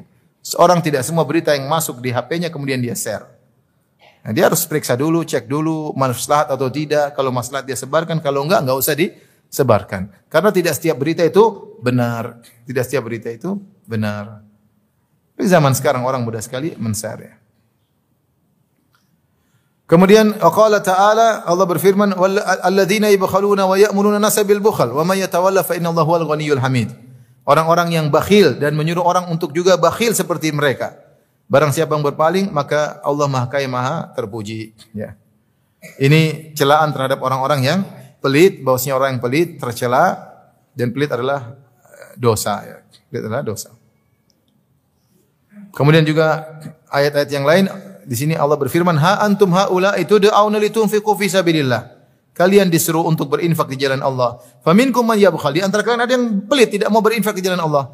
Wa may yabkhal fa inna ma yabkhalu an nafsi. Siapa yang pelit untuk berinfak sungguhnya dia pelit terhadap dirinya sendiri. Wallahul ghaniyyu antumul fuqara. Allah Maha Kaya dan kalian orang orang yang butuh, kalian butuh. Kalian tuh sekarang Allah, Allah mengatakan, "Kenapa kalian pelit?" Allah tidak butuh dengan infak kalian. Yang butuh kalian, kalian tuh fakir, Aku kaya kata Allah Subhanahu wa taala. Dan kalau kalian pelit, semuanya kalian pelit terhadap diri sendiri. Kenapa orang yang berinfak yang untung dia? Dia berinfak. Pertama infaknya akan diganti oleh Allah Subhanahu wa taala. Ya. Ya. Fahuwa yukhlifu wa khairur raziqin. Kamu infakkan apa saja, Allah akan ganti Allah sebagai sebaik-baik pengganti. Bahkan Allah mengatakan in tuqridullah qardan hasanah. Kalau kalian pinjamkan kepada Allah sampai Allah memposisikan dirinya seakan-akan dia minjam. Kalau Allah minjam Allah pasti ganti atau tidak? Pasti ganti. Jadi orang yang berinfak pasti diganti oleh Allah di dunia dan sering diganti dengan berlipat berlipat ganda. Kemudian dia akan dapat keuntungan, ya. Dia disayang oleh orang dengan bersedekah tersebut. Kemudian hartanya akan dijaga oleh Allah Subhanahu wa taala. Pada hari kiamat sedekah tersebut akan datang kulum ri'in tahta dhilli sadaqati yaumil qiyamah sedekahnya akan menunggu dia pada hari kiamat tatkala di padang mahsyar. Sedekah yang dilakukan akan meredam kemurkaan Allah, dia akan dapat pahala ganjaran. Jadi yang untung siapa? Untung dia. Kalau dia kasih uang sama orang miskin, orang miskin cuma mungkin kenyang selesai. Tidak ada keuntungan di balik itu. Adapun dia keuntungan terus berlanjut sampai hari kiamat. Makanya siapa yang pelit, dia pelit sama dirinya sendiri. Makanya antum enggak usah pelit. Antum kalau sumbang sudah ini saya lagi lagi nabung. Antum kalau semangat kalau nabung di ada nabung di ATM atau nabung di mana? Oh, nabung udah dapat saldo banyak. Ente juga pikir saldo ente di akhirat. Kalau kasih orang miskin, ngasih ini, kasih ini. Kasih istri, kasih anak-anak, kasih keponakan, kasih itu namanya kita punya saldo di akhirat. Pikir gitu cara berpikir kita. Saya punya saya punya saldo di dunia, saya juga punya saldo di akhirat. Jadi kita karena dan pasti akan diganti di dunia apalagi di akhirat.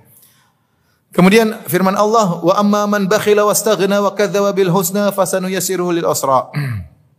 Adapun orang yang bakhil dan merasa cukup mendustakan dengan hari akhirat, maka kami akan mudahkan dia untuk kesulitan. Wa ma yughni anhu maluhu idza taradda dan harta yang dia kumpulkan tidak ada faedahnya kalau dia sudah terjerumus dalam neraka jahanam. Percuma. Ya. Harta yang kau kumpulkan tidak ada faedahnya. Tapi kalau kau taruh di di jalan Allah maka berfaedah. Ma agna anni maliyah. Lihat apa perkataan orang yang disiksa pada hari kiamat. Kalian mengatakan tidak ada faedahnya hartaku yang aku kumpulkan selama ini. Demikian juga ma'akna angkum jam'ukum kuntum tastakbirun. Yang kalian kumpulkan selama ini dunia tidak ada faedahnya bagi kalian. Allah juga berfirman, "Wa ma yuqashuha nafsihi fa ulaika humul muflihun." Siapa yang di, diselamatkan dari sifat pelit, maka dia adalah orang-orang yang yang beruntung. Sebentar lagi ya. Sabar ya. Wa qala Nabi sallallahu alaihi wasallam hadis berikutnya, tadi sedang pelit pelit-pelit ini orang pelit itu bisa jadi dosa besar bisa jadi, tapi di dosa. Pelit itu apa? dosa. Apalagi pelit sama istri. Pelit sama anak-anak, pelit sama orang tua. Ya. Ittaqu dzulma. Ya. Jadi saya cerita ada ada orang ya. Jadi ada orang meninggal dunia, kemudian dipanggil di mahkamah. Anak-anaknya dikumpulkan. Kemudian hakim senang mau kabar ke kalian subhanallah ternyata harta warisan kalian banyak. Jadi hakim ini ingin menyenangkan anak-anaknya. Ternyata anaknya tidak tahu selama ini bapaknya kaya raya. Ketika dia meninggal hartanya banyak, maka ketika bapaknya meninggal hakim ingin menyenangkan mereka. Ternyata mereka marah sama bapaknya. Jadi kurang ajar selama ini kita hidup susah, ternyata bapak punya duit apa? banyak. Nah itu, antum-antum hati-hati ya. Harta tidak dibawa mati ya. Jangan pelit-pelit ya. Ittaqu dzulma fa inna dzulma dzulumatun yaumil qiyamah. Waspadalah terhadap berbuat zalim kepada orang, jangan sampai berbuat zalim sama orang lain. Sungguhnya Kezaliman adalah kegelapan yang bertubi-tubi pada hari kiamat kelak. Wattaqu syuha, waspadalah dari sikap pelit. Fa inna syukha allaka ahlaka man kana qablakum. Sungguhnya sikap pelit itu membinasakan orang-orang sebelum kalian. Hamalahum ala ansafaku dima'ahum wastahallu maharimahum. Gara-gara rakus. Syuh itu pelit disertai dengan rakus. Tamak. Kerasukan eh, ke kerakusan seseorang menjadikan dia menghalalkan darah, menghalalkan yang haram-haram. Sekarang orang banyak rakus dengan harta proyek-proyek. Pokoknya dia mau inilah, mau inilah, mau harus entertain dengan zina. Pokoknya proyeknya tembus. Hah? Mau sogok sana, sogok sini. Entertain orang dengan zina, dengan khamar. Pokoknya proyeknya apa? Tembus ini seperti ini. Tamak. Tamak. Padahal orang begini bukan orang miskin, dia udah kaya, tapi dia tamak, paham? Tamak. Taib eh, hadis berikutnya. Qala Nabi sallallahu alaihi wasallam wa ayyu wadin adwa minal bukhal. Rasulullah SAW bersabda, ya uh, lembah mana yang lebih parah daripada penyakit daripada uh, ayudain adwa minal bukhal? Apa namanya? Penyakit mana yang lebih parah daripada penyakit penyakit bukhal? Ya penyakit pelit itu penyakit yang paling berbahaya ya. Paling gak enak. Kita kalau bergaul sama orang pelit paling gak enak jalan-jalan sama dia kita yang bayar terus Enak atau tidak? Enggak enak. Nanti ada teman saya bilang, aduh Ustaz si Fulan, Ustaz, dia gibah orang itu. Ya udah Ustaz itu dari dulu kita paling pelit Ustaz. Kita kalau jajan semua nanti dia, saya lupa bawa dompet. dompet. Jadi kita yang suruh bayar. Yang mana? Saya lupa, lu lupa melulu bawa dompet ya. Allah. itu bukan antum kan kayak gitu. Ini paling tidak enak. Orang pelit itu me- menyiksa orang sekitarnya. Temannya tersiksa, istrinya tersiksa, anaknya tersiksa. Ada teman, istrinya kecelakaan. Naik mobil kecelakaan. Yang pernah ditanya, mau gimana mobilnya rusak atau tidak? Dia tidak tanya kamu selamat atau tidak. Pertanyaan pertama, mobil rusak atau tidak? Nanti ada anaknya kacamatanya jatuh pecah. Dia ngomong-ngomong, tahu kacamata ini mahal banget. Masih kacamata kacamata murahan.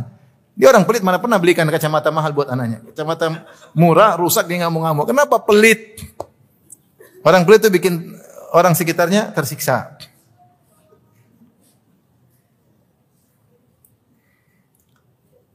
Ada yang pelit juga gitu. Naik mobil, jemput. Eh, bensin bagi dua ya. Kirain jemput tumpangan gratis suruh bayar bensin. Kalau tahu mending saya naik naik, angkot daripada naik kamu ya. Fil hadis salah muhlikat, tiga hal yang membinasakan. Syuhun muta'un, yaitu rasa tamak, rakus yang diikuti. Wahawan mutaba'un, hawa nafsu yang diikuti. Wa ijabu kulli ra'yin bi ra'yi. Setiap orang kagum dengan apa? Dengan pendapatnya. Sahih Tirmizi, An Nabi sallallahu alaihi wasallam la'anal jalis wasatal halaqa. Allah melaknat eh, orang yang duduk di tengah eh, di tengah halaqah, di tengah orang ngumpul tapi ini hadisnya dhaif. Hadisnya dhaif. Wa Nabi radhiyallahu taala anhu hadis berikutnya Rasulullah SAW bersabda iyyakum wal hasad fa innal hasada ya'kulul hasanat kama ta'kulun nar al hatab. Hati-hatilah kalian dari sikap hasad karena hasad itu akan memakan kebaikan-kebaikan sebagaimana api memakan kayu. Hasad Rasulullah SAW ibaratkan seperti api. Api kalau dalam kayu cepat nggak terbakar kayu tersebut? Cepat, cepat, cepat dan cepat habis. Demikian hasad kalau sudah menjalar di tubuh seorang, pahala-pahala cepat terhapuskan, dimakan oleh hasad. Kenapa? Karena orang hasad tidak mungkin dia diam. Ketika dia sudah hasad, dia pasti mendolimi orang dia hasati. Minimal dengan menggibahinya, minimal dengan merendahkannya. Belum kalau dia mengambil tindakan fisik. Maka karena itulah orang hasad itu mudah pahalanya habis. Dia kalau sudah hasad sama orang, dia pasti buruk sangka selu- melulu sama orang tersebut. Mencari-cari sehingga banyak dosa yang dia lakukan. Dia buruk sangka sama orang tersebut. Dia tajasus cari-cari kesalahan orang tersebut. Dia gibahi orang tersebut. Dia tuduh yang tidak benar kepada orang tersebut. Inilah kezaliman inilah yang akhirnya memakan pahala dia. Makanya hasad itu berbahaya, memakan pahala seperti api yang bakar kayu, kayu bakar. Hadis berikutnya Rasulullah SAW bersabda, "Lau ya'lamul mar baina yadayil musalli madza alaihi, lakana yaqifu arba'inan khairun la, khairan lahu." Kalau seorang yang lewat di depan orang sholat tahu tentang dosa yang akan dia dapatkan, mending dia tunggu 40 daripada dia lewat. Ada 40 hari atau 40 tahun, 40 bulan, mending dia menunggu orang itu selesai sholat baru dia dia lewat. Karena melewati orang sedang konsentrasi, sedang berhadapan dengan Allah, dia lewati, dia mengganggu orang tersebut. Ini termasuk dosa. Tidak boleh. Bahkan yang menunjukkan akan hal ini, kata Rasulullah SAW, "Idza shalla ahadukum ila minan nas." Kalau seorang salat dengan sutra, fa arada an yajtaza baina yadayhi falyadfa'hu fi nahrihi. Kalau ada orang yang lewat, tolak di dadanya. Fa in aba falyuqatilhu. Kalau dia dia mau melawan, kelahi sama dia. Fa innama huwa syaitan. Sungguhnya dia adalah sy- syaitan. Dia tuh kencang, dia mau lewat kencang tahan ya. Kalau sudah terlanjur lewat jangan ditarik. Lewatnya sudah. Kalau tarik lewat dua kali nanti. Ya sini lewat lagi. Jangan. Lewat sudah, tapi kita berusaha kalau dia kelari, eh sudah lewat, lewat aja. Lewat aja. Dulu pernah kasus besar ya. Ini saya, saya waktu masih kuliah di Jamiah Islamiyah. Ada seorang Perancis. Orang Perancis dia sholat. Sholat, sholat di masjid Jamiah. Dia sholat di bagian belakang, dia terlambat. Jadi ini masbuk. Masbuk, kita, kita sudah selesai sholat, dia tasyahud. Orang nggak ngerti hukum tentang lewat depan orang sholat. Datanglah orang Cina lewat. Maka dia tahan. Subhanallah. Orang-orang Perancis ini tahan. Tahan lagi. Tahan lagi orang Cina juga mungkin baru masuk Islam. Dia pukul ini orang. Dia pukul. Uh, rame itu pukul. Terus akhirnya rame orang, mereka gerombolan orang Cina rame sekali. Mereka pergi. Saya masih ingat kisah itu. Saya ketemu orang Prancis lain, saya bilang, orang bule, saya bilang, masih ingat. Itu dulu ada orang Prancis. Oh iya iya, sekarang di mana? Sekarang sudah ngambil S2 apa S3 di Itu yang tadi yang apa? yang dipukul tadi. Subhanallah. Pernah juga kita begini salat tahan orangnya datang dia salamin. Ini kejadian nyata. Ya enggak tahu dipikir mau salaman gitu. Kata tahannya begini masalahnya. Kalau tahannya begini mungkin eh, tanya eh, tahan kita tahan gini, yang ditahan oh ya Waduh. Enggak ngerti, enggak enggak ngerti. Baik. Berikutnya Rasulullah SAW bersabda, "Walladzi nafsu nafsi biyadihi la tadkhulul jannata hatta tu'minu wa la tu'minu hatta tahabu." Demi zat yang jiwaku berada di tangannya, jangan, tidaklah kalian masuk surga sampai kalian beriman dan tidaklah kalian beriman sampai kalian saling mencintai. Ala adullukum ala asyain idza fa'altum mutahabbtum? Maukah aku tunjukkan kepada kalian tentang suatu perkara yang jika kalian lakukan maka kalian saling mencintai? Afsyus salama bainakum. Tebarkanlah salam di antara kalian. Kata Syekh Abdul Razak, seakan-akan ka'annal musannif yuridu an yushira huna ila min anna min al-umur al-muhimmah muhimmah anna min al-umur al-azimah tarkas salami alladhi huwa sababul mahabbah bainal muslimin. Seakan-akan eh, Az-Zahabi mengatakan di antara perkara yang besar sekarang yang terjadi orang meninggalkan salam di antara kaum kaum muslimin. Padahal salam menyebarkan salam adalah sebab masuk sur surga ya. Jika salam ditinggalkan ya uh, orang tidak salam menyalam di antara mereka kesehatan akan masuk. Buat saling curiga ini orang enggak salam sombong orang. Akhirnya timbul pertikaian di antara kaum kaum muslim. Tapi kalau saling salam assalamualaikum, assalamualaikum, insya Allah hilang itu semua. Ya tidak ada hasad, tidak ada dengki, tidak suudzon karena saling memberi apa? Salam. Maka kita kaum muslimin jangan lupa untuk uh, menebarkan salam baik orang yang kenal maupun tidak kita kenal. Dan Nabi SAW berkata, Inna syaitan qad ayisa an ya'budal musallin fi jazirah Arab walakin fi tahrishi bainahum. Syaitan sudah putus asa untuk disembah di jazirah Arab oleh orang-orang yang salat. Tapi syaitan tidak pernah putus asa dari mengadu domba di antara orang-orang yang sholat tersebut. Kata Az-Zahabi, "Hadza akhir kitab al-kabair." Inilah akhir dari kitab al-kabair. Walhamdulillahi rabbil alamin. Segala puji bagi Allah. Wa sallallahu ala sayyidina Muhammadin khatimin nabiyyin wa ala alihi sahbihi tayyibin at-tahirin wa sallama tasliman katsira.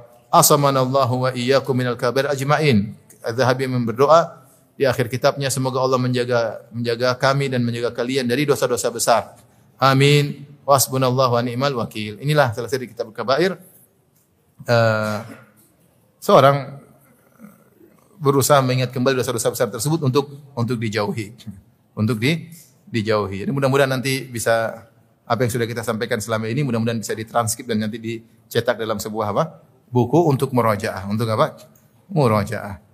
Demikian ikhwan dan akhwat yang dirahmati Allah Subhanahu wa taala kajian kita ya. Berapa tahun kita bahas ini? Hampir tiga tahun dari sebelum pandemi sampai setelah apa? Pandemi. Ya. Corona lewat alhamdulillah. Semoga amal kita diterima oleh Allah Subhanahu wa taala. Demikian tidak ada tanya jawab. Insya Allah kita lanjutkan dengan buku yang lain. Insya Allah kita akan bahas kitab Al-Adabul Mufrad karangan Al-Imam Al-Bukhari biidznillah taala. Wabillahi taufiq wal hidayah. Assalamualaikum warahmatullahi wabarakatuh.